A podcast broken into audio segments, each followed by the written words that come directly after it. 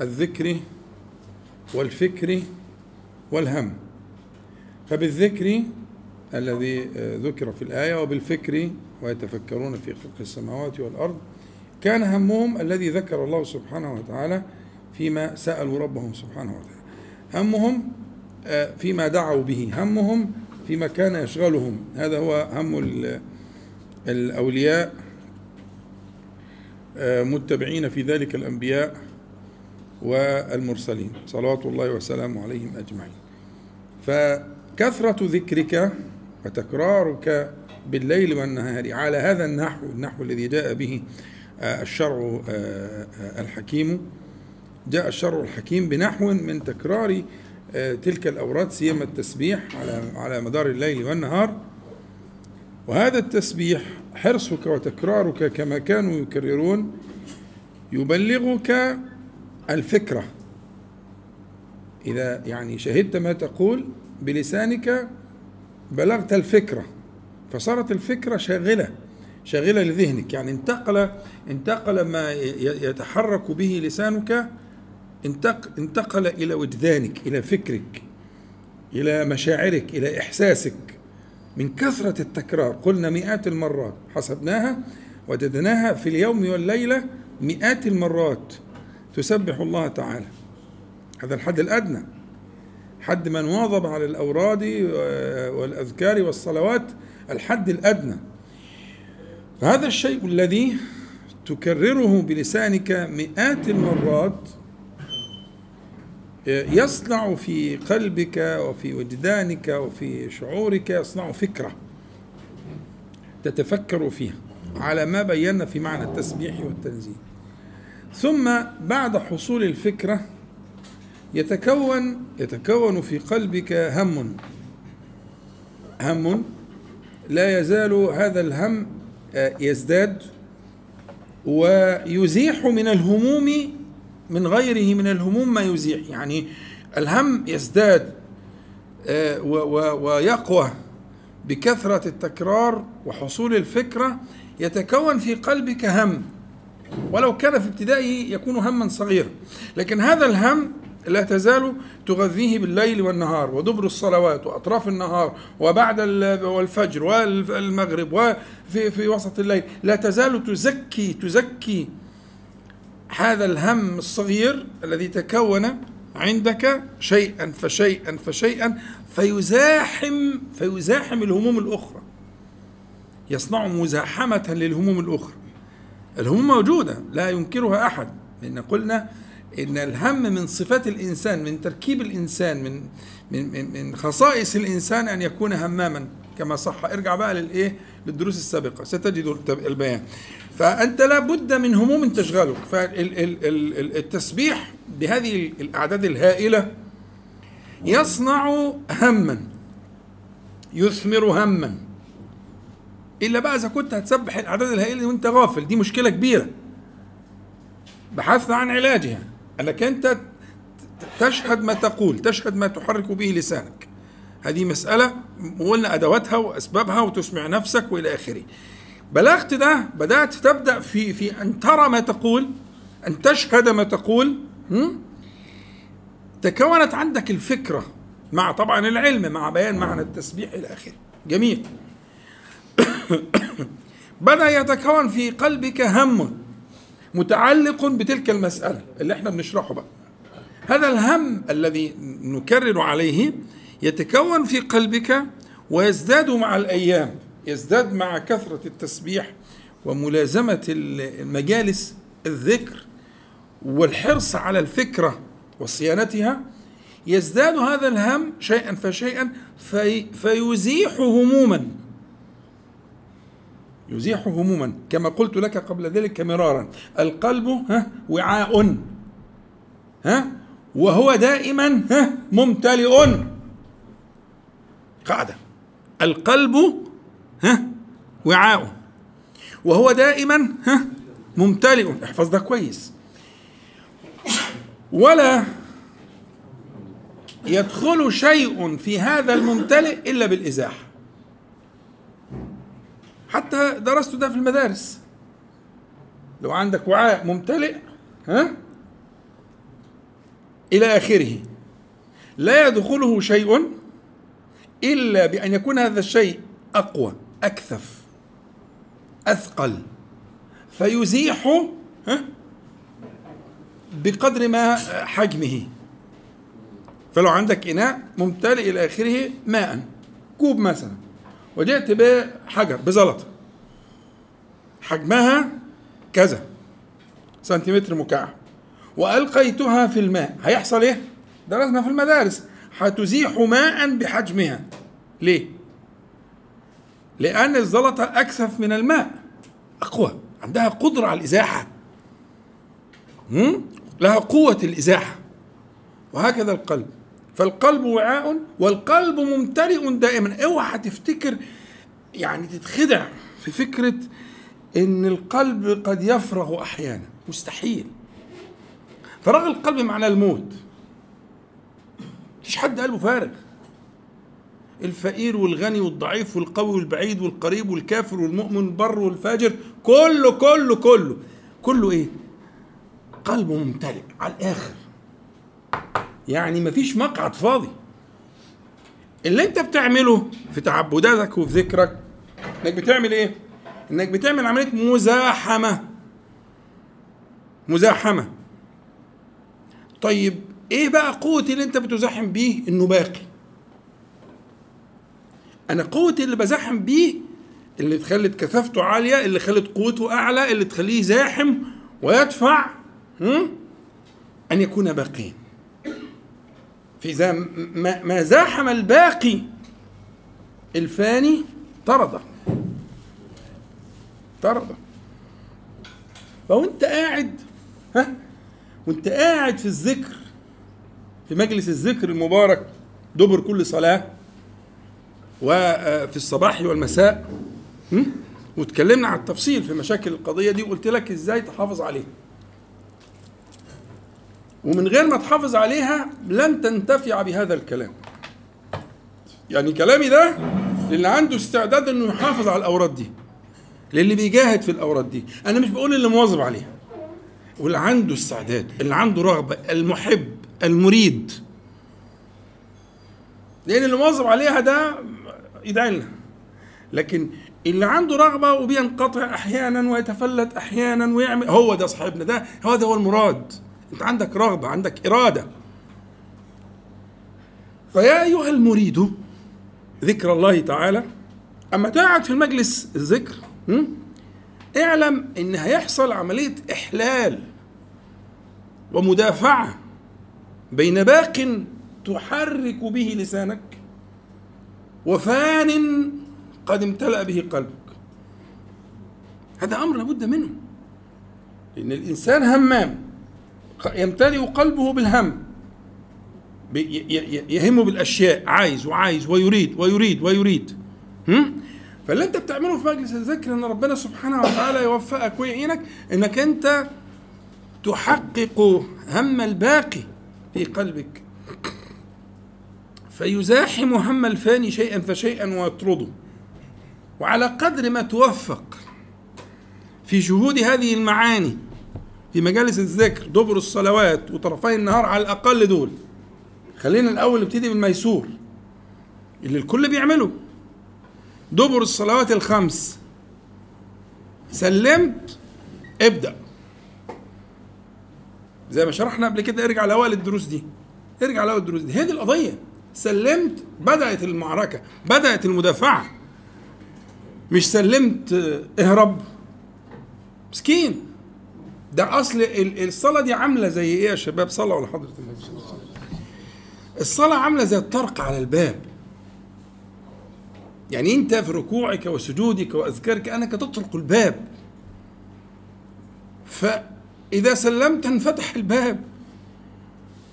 وكان النبي صلى الله عليه وسلم يجلس في في مكانه يذكر الله تعالى وكان في الفجر يجلس متربعا حتى تطلع الشمس حسناء. حديث مسلم. لأن خلاص انفتح باب. بالذات بعد صلاة الصبح. انفتح باب. ففي ذكر الإيه؟ دبر الصلاة وفي ذكر الإيه؟ الصباح. فلما يفتح لك الباب إياك أن تعرض. إياك أن تعرض. أن يفتح لك الباب فتعرض. أصل فصل فصل مصل أصل. يا ابني اهدى. ده ربنا خلق الكون ده كله عشان القعدة دي. والله العظيم. غير حانث. ربنا خلق الكون اللي انت شايفه ده كله شغلك وأعمالك والأموال وعيالك ومراتك خلق ده كله ها؟ عشان القعدة دي. عشان تقعد تسبحه. عشان تقاوم نفسك ورغباتك وشهواتك وضعفك. وعلمك تقعد إزاي وإمتى وفين وكيف وكل التفاصيل عندك. مش ناقصك حاجة. إلا إنك تسلم. إلا إنك تسلم. يا ابني سلم. مش طول الصلاة عمال تفكر هتعمل إيه بعد الصلاة. وأول ها ما تسلم كأن كأنما نشط من عقال. كان مربوط يا عيني؟ ها؟ عقال يعني إيه؟ يعني رباط زي اللي بيربطوا بيه الجمل. كأنه كان مربوط ومحبوس. والحمد لله خد إفراج. فينطلق فيما كان يفكر فيه في صلاته. الله! طب إيه رأيك لو أنت طول الصلاة عمال تفكر؟ برضه معلش تفكر بس تفكر في اللي هتقوله بعد الصلاة. عندك إيه؟ طلباتك إيه؟ إيه اللي تعبك؟ إيه اللي بيؤلمك؟ ما أنا قلت لك سيفتح الباب. لكن يفتح الباب فتعرض. إيه رأيك؟ ده هي الصلاة نفسها فيها ذلك بس يعني بيخلينا مرحلة أخرى. يعني الصلاة نفسها هي فتح للباب يعني هو بالتكبير بس أنا عايز أقول لك عملت إحماء يعني. لكن هو في الحقيقة إن بتكبيرة الإحرام بيفتح الباب. يعني الله تعالى يقبل بوجهه الكريم سبحانه وتعالى على ما يليق بجلاله على العبد إذا صلى. يقبل بوجهه. ولذلك كان الالتفات اختلاسا اختلاسا يختلسه الشيطان من صلاة العبد لأن ربنا مقبل عليه فإذا التفت بوجهه يقعد بقى يعد في اللي فوق واللي تحت والسجادة والرسم والهبل والعبط وال... أو يلتفت بقلبه. الله مقبل عليك فأين أنت؟ فالحقيقة إن إحنا هنصل إلى تكبيرة الإحرام. إن هو في الحقيقة الباب على الحقيقة بيفتح بتكبيرة الإحرام. لكن افرض أنا بحتاج لي يعني أنا لسه ها في أول الطريق وبحتاج لعملية إحماء. ماشي أنا موافقك. خلي الصلاة ها فيها الإحماء وتترقب تترقب أن تجلس إليه. ولو قام من قام يا أخي أنت مالك والخلق أنت مالك والخلق تجلس فتسبح الله تبارك وتعالى وتذكره بما ذكره خير خلقه صلوات الله وسلامه عليه. صلى الله عليه وسلم. فهي الفكرة إنه آه، آه، آه، يعني أنا أكرر على العلاقة بين الذكر والفكر والهم. قلت لك إن مادة الهم مادة إذابة. فالهم هم الآخرة له من القوة له من القوة ومن الخصائص أن يذيب الهموم جميعا. فأنت بتجيب مذيب يذيب تلك الهموم. فلا تكون هموم كانت متكتلة كده هي شكلها كبير ها؟ زي مثلا سنام الجمل كده. فإذا وضعوا السنام على نار أو حاجة زي كده يبقى يسيل. فهذه الصورة زي التلج كده. برضو التلج لما يبقى كتلة وضخم وشكل وبتاع وبعدين تسيبه ها في الحرارة يسيل. هي دي مادة الهم مبناء على كده. فالفكرة إنك أنت بتجيب ما يذيب تلك الهموم ويحتل القلب. فلا ترى إلا الله. يا أخي طب على الأقل شوية دول. وارجع للخيبة بعد كده بس خليك على الأقل شوية دول. متع قلبك. وادخل هذه الأفنان وعظم ذكر الله تعالى سيما هذه المادة اللي إحنا بن بن بندندن حولها اللي هي مادة التسبيح والتنزيه خلاص يبقى المس... الربط ده مهم لا تنسى وربنا سبحانه وتعالى جمع لك ذلك في آية الإيه؟ في آية آل عمران. طبعا تعرضنا إن التسبيح قلنا إن التسبيح كما قلت لكم موجود في غير المكلفين وكثير جدا في القرآن وترجعوا الآيات أنا ذكرت بعضها. كثيرة جدا السماوات والأرض والرعد و و و و وفي الآخر وإن من شيء ها؟ إلا يسبح بحمده ولكن لا تفقهون تسبيحه. إنه كان حليما غفورا. سبحانه وتعالى. فحكمة التسبيح تسبيح الكائنات قلنا أن تسبيح الكائنات لها حكم كتير. يعني من ضمنها أنها تغضب أن تلك الكائنات العظيمة تغضب لما يكون من هذا المكلف الضعيف. قلت لكم في حديث قدسي ابن القيم كثيرا ما يذكره في كتبه وهو مقبول إن شاء الله. ما من يوم إلا والبحر يستأذن ربه أن يغرق ابن آدم. إلى آخر إيه والجبال والأراضين تستأذن لما ترى يعني أنها في حالة غضب من هذا المخلوق الضعيف كيف يتجرأ على ما يقول وما ينطق من الكفر ووصف الله تعالى بما لا يليق به وأن يشرك بالله عز وجل إلى آخره فإنها تستأذن الله تبارك وتعالى فإنها في حالة. لكن أصل الحكاية يعني قلت ربما أرجئه وقتا آخر لأنه موضوع مستقل اللي هي فكرة في أصل الخلق لما خلق الله تعالى الخلق في شوية أحداث تهمنا عايزين ندرسها بس أنا يعني أخشى لو دخلنا فيها هنخرج عن الموضوع. لكن لكم عندي ذلك اللي هي آية مثلا إن عرضنا الأمانة على السماوات والأرض والجبال فأبين أن يحملنها وأشفقن منها وحملها الإنسان إنه كان ظلوما جهولا. ليعذب الله المنافقين والمنافقات والمشركين والمشركات إلى آخر الآية. حلو؟ دي تهمني جدا في هذا الباب. لأن هي الأمانة على الراجح على كثرة تفاسير لكن تقول في النهاية إلى معنى العقل والتكليف أو التكليف ومناطه العقل. هي دي الأمانة التكليف. صارت مكلفة. لم لم تقبل تلك الكائنات لكن أبت إباء إيه؟ إباء إشفاق. لأن في أبى واستكبر وكان من الكافرين. يعني لم تأبى السماوات والأرض إباء الإيه؟ إباء إبليس. إبليس أبى برضه. ما هي دي أبت ودي أبت مش كده ولا إيه؟ إبليس أبى. والسماوات والأرض والجبال هي أبينا. أبى ده إباء بس هنا إباء إشفاق. إن ربنا تعالى قال وأشفقنا منه. فهذا إباء إيه؟ أشفاق. لكن هناك الاباء اباء إيه؟ كبر. اباء واستكبر دي معطوفه على استكبر ودي معطوفه عليها الإيه؟ أشفقنا. فهذا إباء أشفاق قبل. قبله الله تعالى. وذاك إباء إيه؟ كبر. جعله رأس الشر في الكون كله. الفكرة بقى وما يتعلق بذلك ما برضه فصلت الموضع بتاع فصلت إلى آخره. قالوا أتينا طائعين إلى آخره. المواضع دي ممكن نجمعها ونعمل منها يعني موضوع متكامل بس هتخرجنا عن عن مرادنا. لكن الفكرة أنت فهمت معايا إن قضية إيه؟ قضية التسبيح غير المكلفين. الكون كله يسبح بحمد الله تبارك وتعالى. أما تسبيح المكلفين فقلنا إن تسبيح المكلفين هو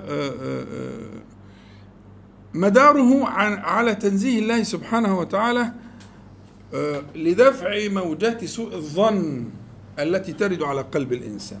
وقلنا الحكاية دي شرحناها وترجع للشرح. بس باختصار الفكرة إن الإنسان أي إنسان معرض لتلك الموجات إن هو يأتيه شيء يؤلمه أو يفزعه أو يصيبه بالجزع أو نحو ذلك. هذه الأشياء تحتاج إلى ما يدفعها.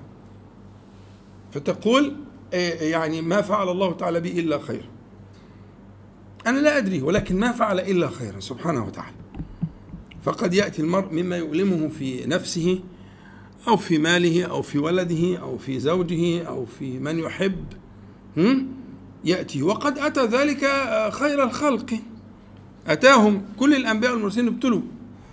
فكانت تلك البلاءات تحتاج إلى ما قلت لك من تسبيح الله تنزيه الله تعالى لدفع موجات الإيه؟ سوء الظن بالله تعالى. هذه الموجات إما تأتي من الجبلة والخلقة لأن إحنا مخلوقين كده فألهمها فجورها وتقواها. ففي عندنا مصادر بواعث لذلك الفجور. في في الإنسان عنده بواعث للفجور. فإما أن تكون هذه مصدر تلك الظنون من من باعث الجبلي اللي هو باعث الفجور اللي عندي وعندك وإما أن يكون ذلك من الشيطان. وهذه مصادر والشيطان يجري من آدم مجرى الدم فهذه مصادر دائمة. إنك تقول إيه؟ ليه يا ربي؟ تقول ليه؟ فكأنك إذا سبحت قلت يعني نزهته سبحانه وتعالى عن شيء من ذلك ووصفته سبحانه وتعالى بالكمال ابدا جل جلاله. وحتى القصة بتاعت الملائكة أتجعل فيها؟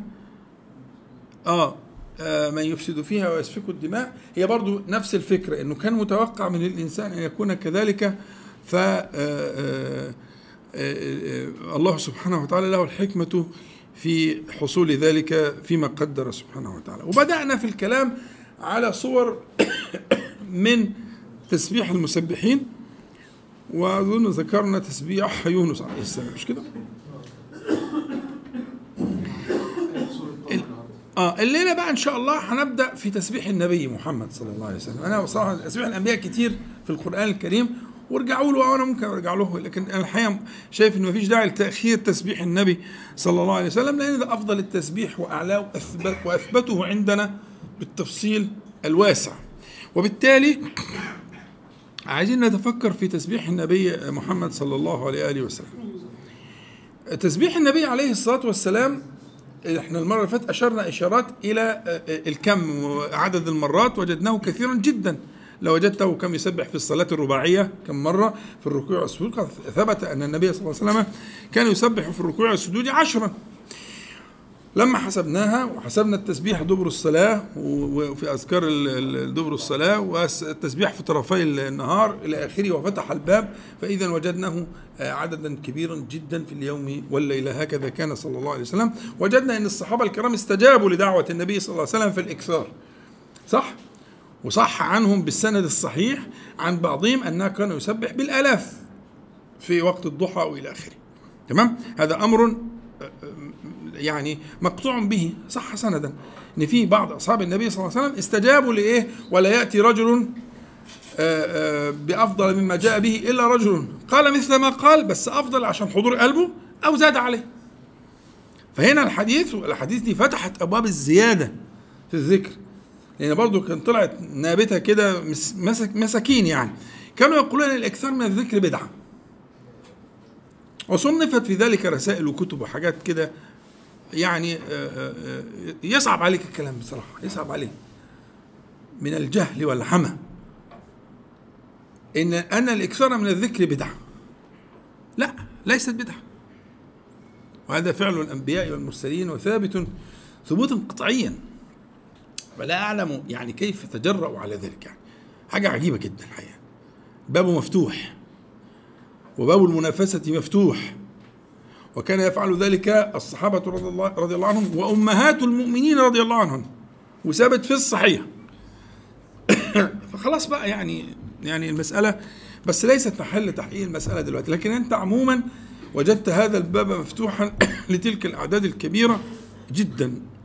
طيب طيب هذه كم مرة؟ طب متى كان يسبح النبي صلى الله عليه وسلم؟ الموجود في القرآن الكريم كما سنتعرض له في أوقات ثابتة وفي أوقات مطلقة، في أوقات مقيدة بأعمال وفي أوقات مطلقة، الأوقات المقيدة في الصلاة ودبر الصلاة وإيه؟ وفي طرفي النهار وفي الليل. يبقى المواعيد دي مواعيد ثابتة، دي مقطوع بها في القرآن الكريم. هي في في في أثناء الصلاة ودبر الصلوات الخمس وفي آه، آه، طرفي النهار اللي هو الصباح والمساء وفي الليل. تمام؟ يبقى آه، هناك أوقات لا بأس أن يستغفر وأن يستح أن يسبح وأن يحمد وأن يهلل في الوقت ده المطلق. أنا زي الصلاة بالظبط يعني السنة مثلا صلاة السنة بنقسمها لقسمين صح؟ إيه هم ساعدوني؟ راتبة وغير راتبة صح ولا لا؟ يعني الصلاة كده فريضة ونافلة صح؟ نافلة بنقسمها لراتبة وغير راتبه الأول أنا أحاسبك لما أحاسبك وإحنا بنتعلم كده. وبنتربى في محضن تربوي زي اللي إحنا فيه ده أحاسبك على إيه الأول؟ على الراتبة. ولا أقول لك اللي غير الراتبة وأسيبني من الراتبة يبقى أنا مش فاهم حاجة. دي الراتبة التي لم يكن يتركها صلى الله عليه وسلم وكان يقضيها إذا فاتته. الله أسيب دي وأروح معاك لغير الراتبة. يبقى أنا مش فاهم حاجة. يبقى في التدرج لما تدرجنا في التربية قلنا اولا الفريضة لا يعلوها شيء. الله أكبر يعني أكبر أكبر يعني أكبر. يعني سيب اللي في إيدك. وروح عشان تتوضع عشان تروح عشان بين الأذان والإقامة أنت محتاج الوقت ده. مش تعمل لي فيها ناصح وماسك الدنيا والآخرة وهتروح على الإقامة ومش عارف إيه هتتلسع قريب. ولسعة أليمة. يبقى إيه؟ ده الفريضة. خلاص انت والفريضة لها رواتب.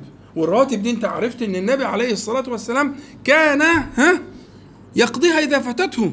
صح. فيما صح عنه عليه الصلاة والسلام. اذا فعنايتنا دايما تكون بالرواتب. بالإيه؟ بالرواتب. طب التسبيح الرواتب ها له أوقات مذكورة في القرآن الكريم. فسبح بحمد ربك قبل طلوع الشمس. وقبل غروبه إلى آخر. ما سنشرحه إن شاء الله. تمام؟ يبقى اذا متى كان يسبح صلى الله عليه وسلم؟ كان يسبح بنص القرآن تسبيحا راتبا وتسبيحا غير راتب. أنا قضيتي معاك دلوقتي في التربية اللي إحنا هنتفق نشتغل عليه ونهتم بيه هو التسبيح الراتب. التسبيح الراتب المتعلق بالفرائض الرواتب دايما متعلقة غالبها بالإيه؟ بالفرائض أو بالأوقات الفضيلة. ماشي؟ صلوا على حضرة النبي صلى الله عليه وسلم.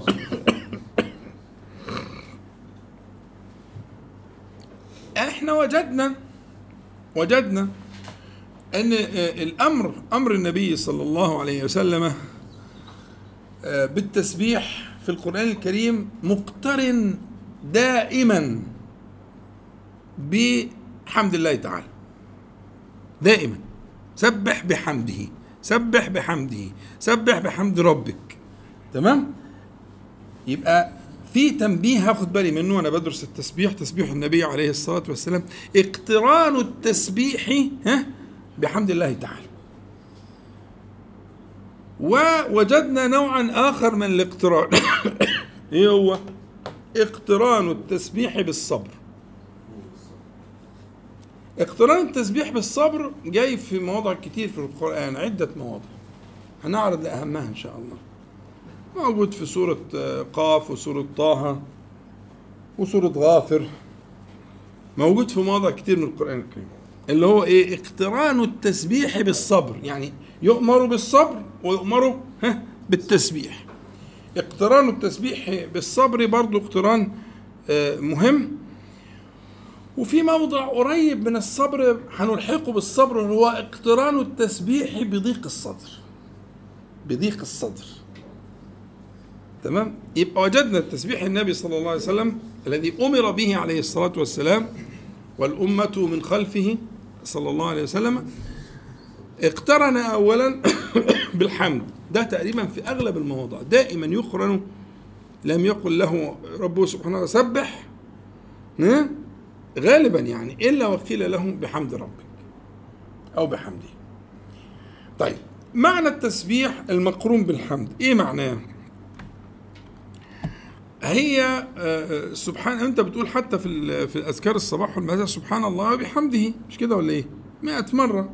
ده الحديث اللي هو الصباح والمساء يعني الواو دي بيسموها واو الحال. واو الحال يعني إيه؟ يعني الجملة اللي بعديها جملة حال. يعني بتصف حال اللي بيسبح. يعني لسانه لسانه بيسبح وحاله حال الايه؟ الحامد حال الحمد. يبقى دي اسمها واو الحال. يبقى اللي بعديها حال الايه؟ حال الحامد. الباء الباء الباء اللي في بحمده أو بحمد ربك الباء دي بيسموها باء المصاحبة. باء المصاحبة. والمصاحبة معنى أصيل من معاني الباء يعني مش معنى طارئ عليه يعني من معاني الباء الأصيلة ها؟ المصاحبة اللي هي ممكن تشيلها وتحط مكانها كلمة أو حرف إيه؟ مع. مع. مظبوط؟ اللي ينفع تشيلها وتحط حرف مع وتأدي المعنى ها؟ هو ده المقصود. يعني مصحوبا بكذا. مصحوبا بكذا. مثلا اهبط بسلام منا. يبقى اهبط إيه؟ مصحوبا بسلام منا مع سلامنا. أيها النبي المكرم اللي هو نوح عليه السلام. مثلا آآ آآ يا أيها الناس قد جاءكم الرسول بالحق يعني مصحوبا بالحق. ها؟ كتير في القرآن الكريم كتير جدا. كتير الباقي اللي هي الإيه؟ اللي هي معنى المصاحبة. ها؟ فالمذكور مصحوب بكذا. دي معنى المعية. ها؟ وغالبا ممكن تيجي فيها قد اللي هي فيها معنى الحال. يعني حالة كونه آتيا مع كذا. يبقى الحال هنا بيرسم صورة. فكرة الحال ها؟ يقول جئتك مثلا راكبا أو جئتك ماشيا حافيا. دي أحوال عشان تفهم إن أنا جاي لك يعني ها؟ ما أنا وجئتك ماشيا حافيا أنا هصعب عليك مثلا أو كده. فأنا بديك حالي وأنا جاي لك. فاهم الفكرة؟ فأنا لما بقول لك حالي وأنا جاي لك أنا كده بوصف لك حال الجائي لعله أن يؤثر في المراد. قل جئتك راجيا. جئتك طامعا. جئتك ماشيا حافيا. يا عم أصعب أصعب عليك. أؤثر فيك. فاهم الفكرة؟ فهي فكرة الحال واو الحال أو جملة الحال اللي بتيجي أو قد اللي بتفيد معنى الحال لأن قد برضه بتفيد معنى الحال. تصور حال الايه؟ حال المذكور حال الفاعل ده. فإذا قيل سبح بحمد ربك سبحان الله وبحمده المقصود أنزه الله عز وجل عما لا يليق به حالة كوني مستصحبا حمده سبحانه وتعالى على ما أولاني من النعم. يبقى أنت بتطرد حاجة بالتسبيح وبتشهد حاجة بالحمد.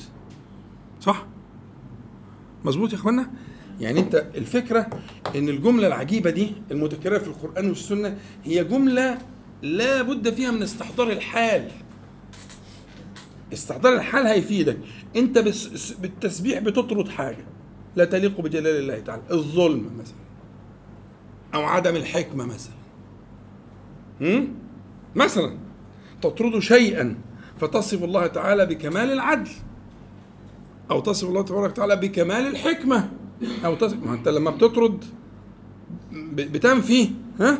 بتثبت. النفي مع إثبات. بتنفي ما لا يليق به فتثبت ما يليق به.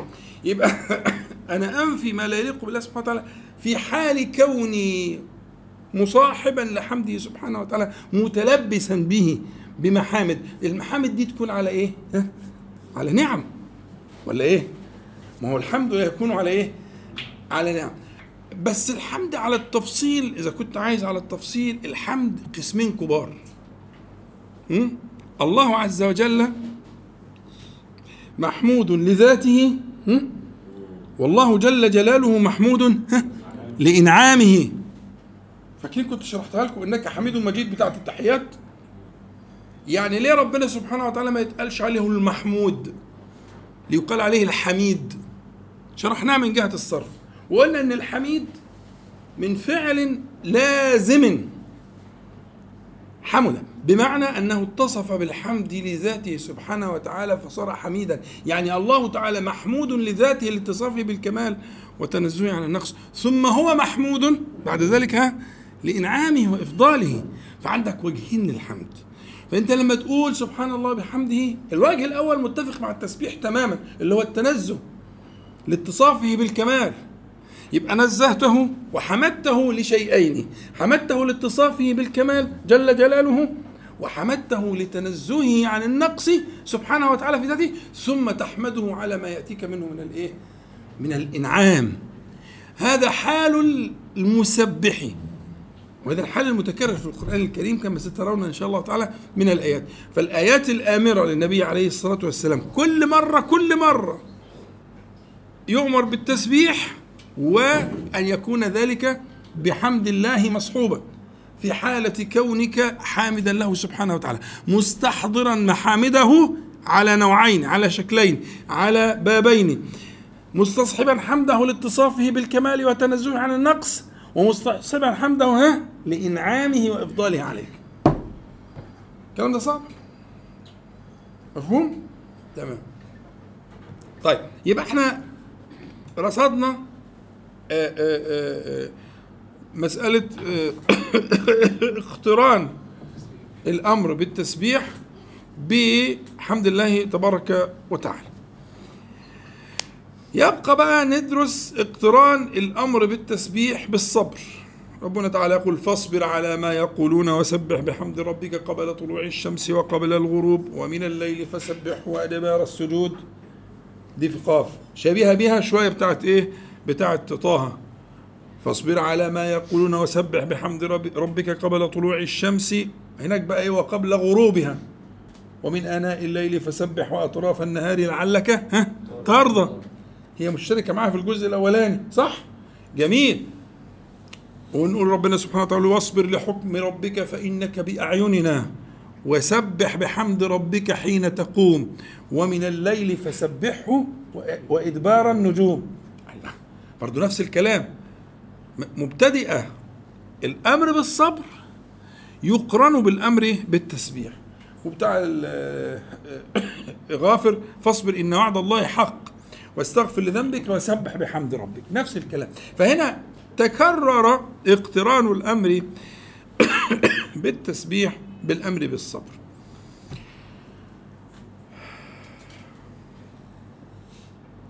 وعمر فين؟ شط ما يا عمر. على ما عمر يجيب المية إيه رأيكم؟ إيه تقديركم؟ لماذا اقترن الأمر بالتسبيح بالصبر؟ يعني أنت شفت اهو خير خلق الله صلى الله عليه وسلم. خير خلق احب الخلق إلى الله يامره مرات ومرات فاصبر وسبح فاصبر وسبح فاصبر وسبح ها ليه اتفضل يعني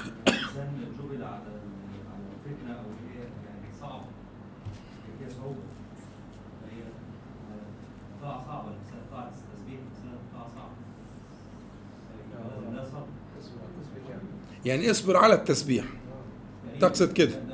لا لا انت خد راحتك. وطالما إحنا في مجال المناقشة. الصلاة يعني. آه آه. انت قستها على كده يعني. تمام احسنت. اتفضل. فاصبر على مقدورات الله وتقدير الله لأن فيها الحكمة كل الحكمة والتسبيح يعني متماشية مع معنى إن التسبيح ينفي الله كل نقص أو أو سوء في مقدوراته آه آه. الصبر ماشي أمنك مع عن موت التسبيح السامي ديك ربنا يحفظك. مم. جزئية الرضا بمقدور الله حتى لو الإنسان مش فاهمه ويصبر عليه وينفي سوء الظن عن الحكمة اللي تمام. اتفضل يا باشمهندس. يعني هو فاصبر على ما يقولون. أعتقد إن ربنا بيطلب من سيدنا محمد صلى الله عليه وسلم ان هو يصبر على ما يلقاه من الأذى وال- وال- والضغوطات وكل الاشياء في في في الدعوة يعني. لأنها صعبة وتحتاج إلى صبر. وكأن التسبيح هو الزاد الذي يبلغه هذا الصبر. أيوه. كأن التس... ال- ال- التسبيح هو الزاد هو الزاد الذي يبلغه الصبر.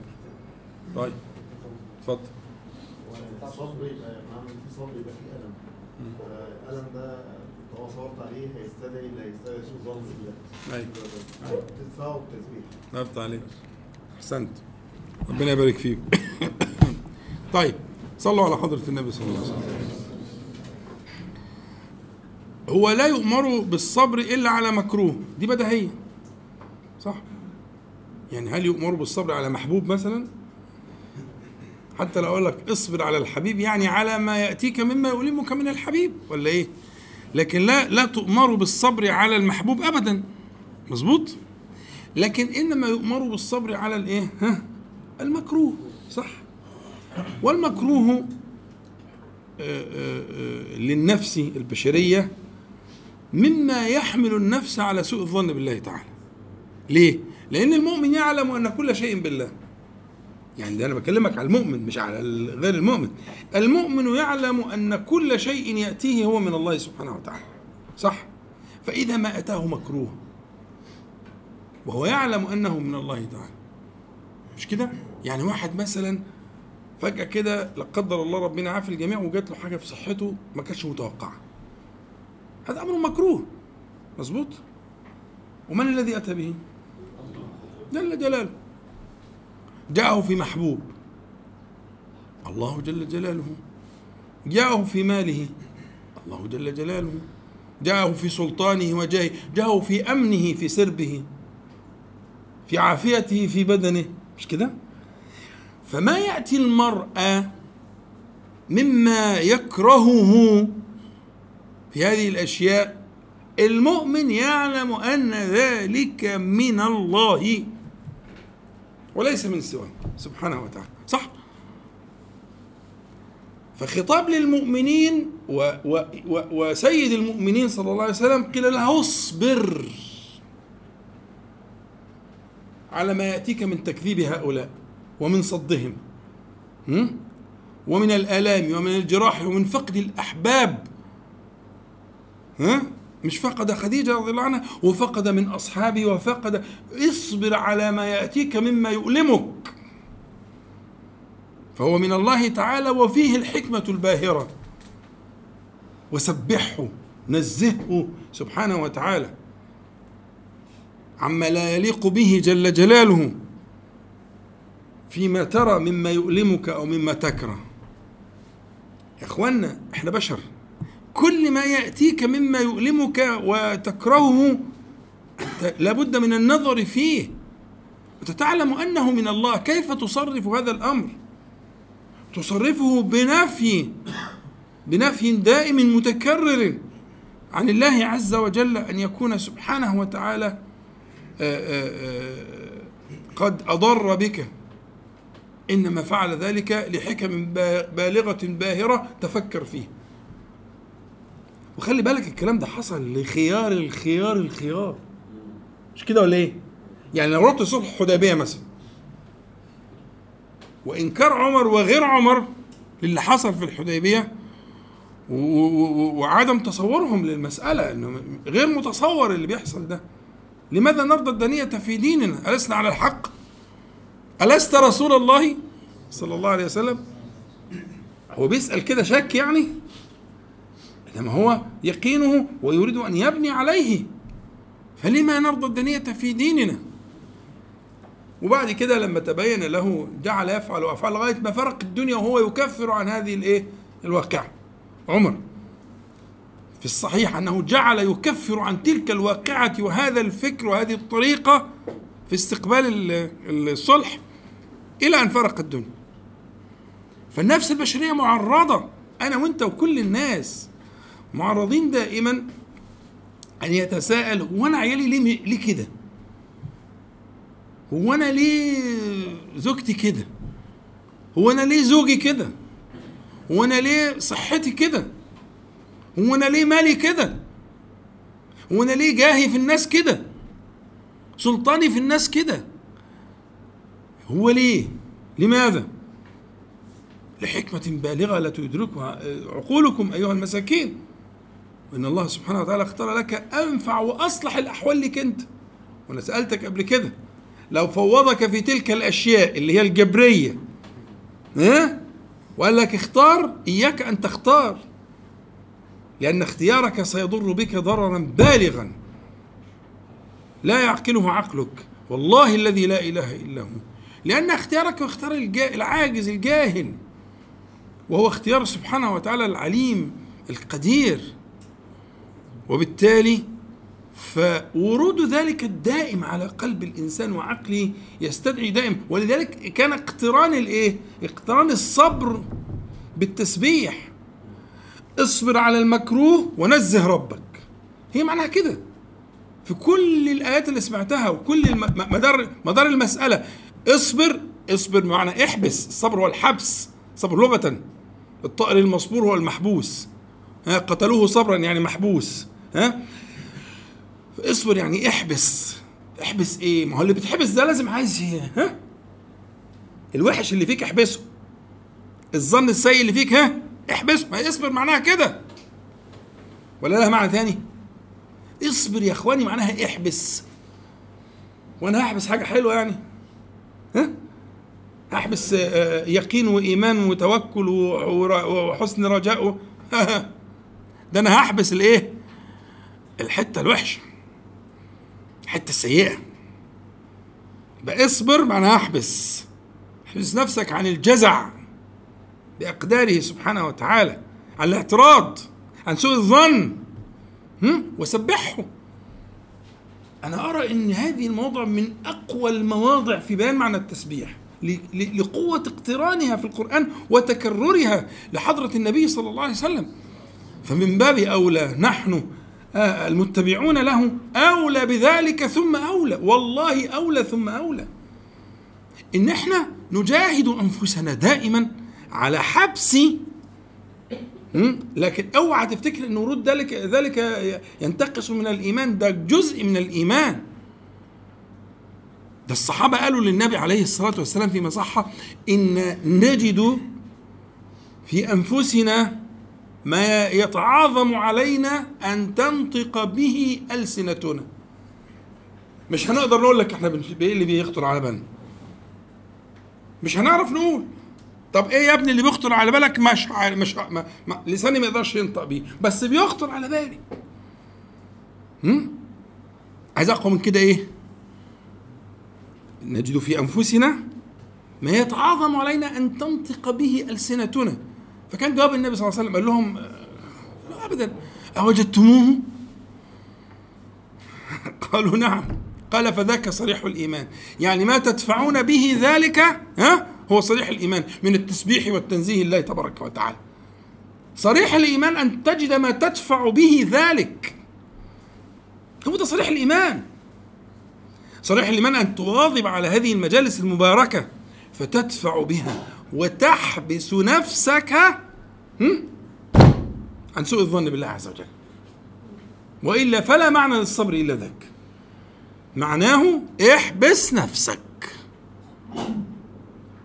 ولذلك في, في, الموضع بتاعنا لا, لا, لا أمل من تكرار ارجعوا دائما لو تعرف تعملها ورد. إلى هذا الموضع من سورة طه. قلت لك مجموعة الأوامر والنواهي الم- المقترنة في في في الخمس ست آيات اللي في آخر طه دول دول منهج للحياة. اقترنت ولا تمدن عينيك إلى ما متعنا به أزواجا منهم زهرة الحياة الدنيا لنفتنهم فيه. ورزق ربك خير وأبقى وأمر أهلك بالصلاة واصطبر عليها. لا نسالك رزقا نحن نرزقك. والعاقبة للتقوى. يبقى لعلك ترضى والعاقبة للتقوى. اقعد بقى تأمل في الآيات دي عشان ت... هذه منهج. ولا أمل من تكرارها منهج من مناهج الحياة. ونفذ كل حرف فيها واعتصم بكل فعل وأمر ونهي فيها وستجد عجبا في حياتك. مقومة من مقومات الحياة. الحياة القويمة حياة الصحابة رضي الله عنهم. لأن خلي بالك ال- الأوامر كلها مخاطب بها النبي عليه الصلاة والسلام. فكده إحنا بنرتقي جدا غاية الرقي. لو بدات الأوامر للنبي عليه الصلاة والسلام أو النواهي. والمقصود بها من بعده ومن وراءه يعلم إن المسألة عليه. وجد خطير. ولا يستغني عنها سالك. وإن كان هو صلى الله عليه وسلم لم يمد ولم يفعل ولكن لما يقال له ذلك إنما يراد البيان لك على خطر المسألة. ولا يستغني عن ذلك سالك. لا أبو بكر ولا عمر ولا الصحابة ولا ولا أتقى الأتقياء ولا أورع الخلق يستغني عن ذلك. منهاج الحياة منهاج الحياة. خدت بالك؟ يبقى مسألة اقتران الصبر بالتسبيح أظن كده صارت جلية. الصبر حبس؟ والتسبيح تنزيه. وقلت لك وبحمده فتذكرتها يبقى إيه؟ اقترن الصبر بالتسبيح بالتحميد. المسألة كده واضحة. تمام؟ يبقى عندنا موضع مش عارف في وقت ولا إيه؟ يا نهار أبيض. والله أنا فكرة تقول لي 30 دقيقة. طيب آه، هو موضع مهم جدا اللي هو الموضع بتاع آخر الحجر ده. ولقد نعلم أنك يضيق صدرك بما يقولون ها؟ فا الفاء دي بسميها بنسميها إحنا التعقيب. إن كان الأمر كذلك فا سبح. واقتران الأمر وبرضه الخطاب العالي جدا المشرف جدا لحضرة النبي صلى الله عليه وسلم. وما من أحد إلا ويضيق صدره؟ مش كده ولا إيه؟ وهو قال كده عليه الصلاة والسلام ويضيق صدري ولا ينطلق لسان سيدنا موسى وسيدنا النبي صلى الله عليه وسلم فلا يكن في صدرك حرج. يعني مسألة متكررة لكل الأنبياء والمرسلين. أن يجدوا في أنفسهم ضيقا مما يسمعون ومن آه، آه، آه، مما يرون من أقوامهم. فهي المسألة مسألة تكاد تكون من سنن المرسلين. فربنا سبحانه وتعالى يقول ولقد نعلم ده توكيد بقى مفيش بعد كده. أنك يضيق صدرك بما يقولون وهذا مواساة لحضرة النبي عليه الصلاة والسلام. فسبح بحمد ربك وكن من الساجدين. الساجدين هنا معناها المصلين يعني. والصلاة ممكن تذكر بالسجود وممكن تذكر بالركوع واركعي مع الراكعين وممكن تسجد بغير ذلك. فالمراد يعني لكن بيبقى السياق يناسبه هذا المذكور. تمام؟ واعبد ربك حتى يأتيك اليقين واليقين معناه الموت. هنا مراد به الموت. اليقين أصلا معناه رفع الحجاب يعني كشف الستر. يقن الماء فانكشف ما تحته. فالموت بتنكشف فيه. تنكشف فيه الحقائق بقى. يعرف كل حاجة على حقيقتها. المال بيظهر. والولد بيظهر. والزوجة بتظهر. والعز بيظهر. والجاه بيظهر. والسلطان بيظهر. كل حاجة بتظهر بس في لحظة في ثانية في لحظة. لحظة ينكشف الإيه؟ الغطاء فكل حاجة تبقى في حجمها. اللي كان كبير قوي قوي في عينيه ما يلاقيهوش أصلا. واللي كان صغير قوي قوي في عينيه يلاقيه كبير قوي لا حول ولا قوة إلا بالله. طب ما جالك الكلام ده وأنت في في في, في, في الساعة لسه؟ كان في في الساعة جاي لك الكلام ده. كان في في الساعة. ده, ده مر بقبر دفن حديثا صلى الله عليه وسلم عشان لسه فاكرينه لسه التربة سخنة. هم؟ فضرب لهم مثلا يقول ركعتان مما تحقرون أو تنفلون يركعهما صاحب هذا القبر. وهنا الإشارة فيها معنى حي لسه هم لسه دافنينه كان قاعد معهم امبارح. ها؟ ركعتان يركعهما صاحب هذا القبر؟ خير له من بقية دنياكم. يعني هيبقى الملك ملك الملوك؟ آه. سيد السادة؟ آه. ماسك الدنيا كلها؟ آه. ليه بقى؟ ها؟ لأنه كشف عنه الحجاب فرأى الاشياء على حقيقتها فهو عارف قيمة الركعتين دول مما تنفلون وعارف قيمة الدنيا ما بقي من الدنيا إلى يوم القيامة فلقى الركعتين دول ارجح طب ما انت جالك الخبر. اليقين الصدق ما ينطق عن الهوى صلى الله عليه وسلم. ليه بقى بتحرم نفسك وليه بتظلم نفسك؟ لماذا أيها المسكين؟ لماذا تظلم نفسك؟ لا بد من من وقفة مع النفس. ولقد نعلم أنك يضيق صدرك بما يقولون. إيه الحل؟ فسبح بحمد ربك. شرحناها بقى خلاص ها؟ وكن من الساجدين. وهنا الساجدين بالجمع فيها معنى جميل جدا إن دايما في طائفة من عباد الله تعالى سيكونون كذلك. ادخل في تلك الزمرة في ونس يعني في ونس. في ونس إن ليك لك من المؤنسين من أهل الذكر هتكون واحد منهم. كن من الساجدين والساجد اسم فاعل غير سجد فبقى فيها معنى الوصف اللازم. كن من الساجدين. غير واسجد? كن من الساجدين يعني ليكن ذلك دينك دائما. كن كن. مش قلت لكم باب كان دي؟ عارفين باب كان؟ باب كان ده كان صلى الله عليه وسلم كذا وكذا وكان كذا وكذا. يبقى ده معناه إن شيء إيه؟ آه يداوم عليه ولا يفارقه صلى الله عليه وسلم. وكن ذلك يعني إيه؟ يعني دائما ابدا دائما ابدا. كن دائما ابدا من الساجدين؟ كان إذا حزبه أمر صلى الله عليه وسلم حزبه يعني إيه؟ صار حزبا حوله يعني إيه محيطا به يحيط به. ها؟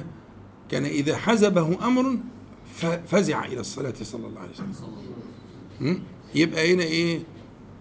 وكن من الساجدين واعبد ربك على يعني دم على العبادة فهو كان آه، كان صلى الله عليه وسلم آه، خير العابدين.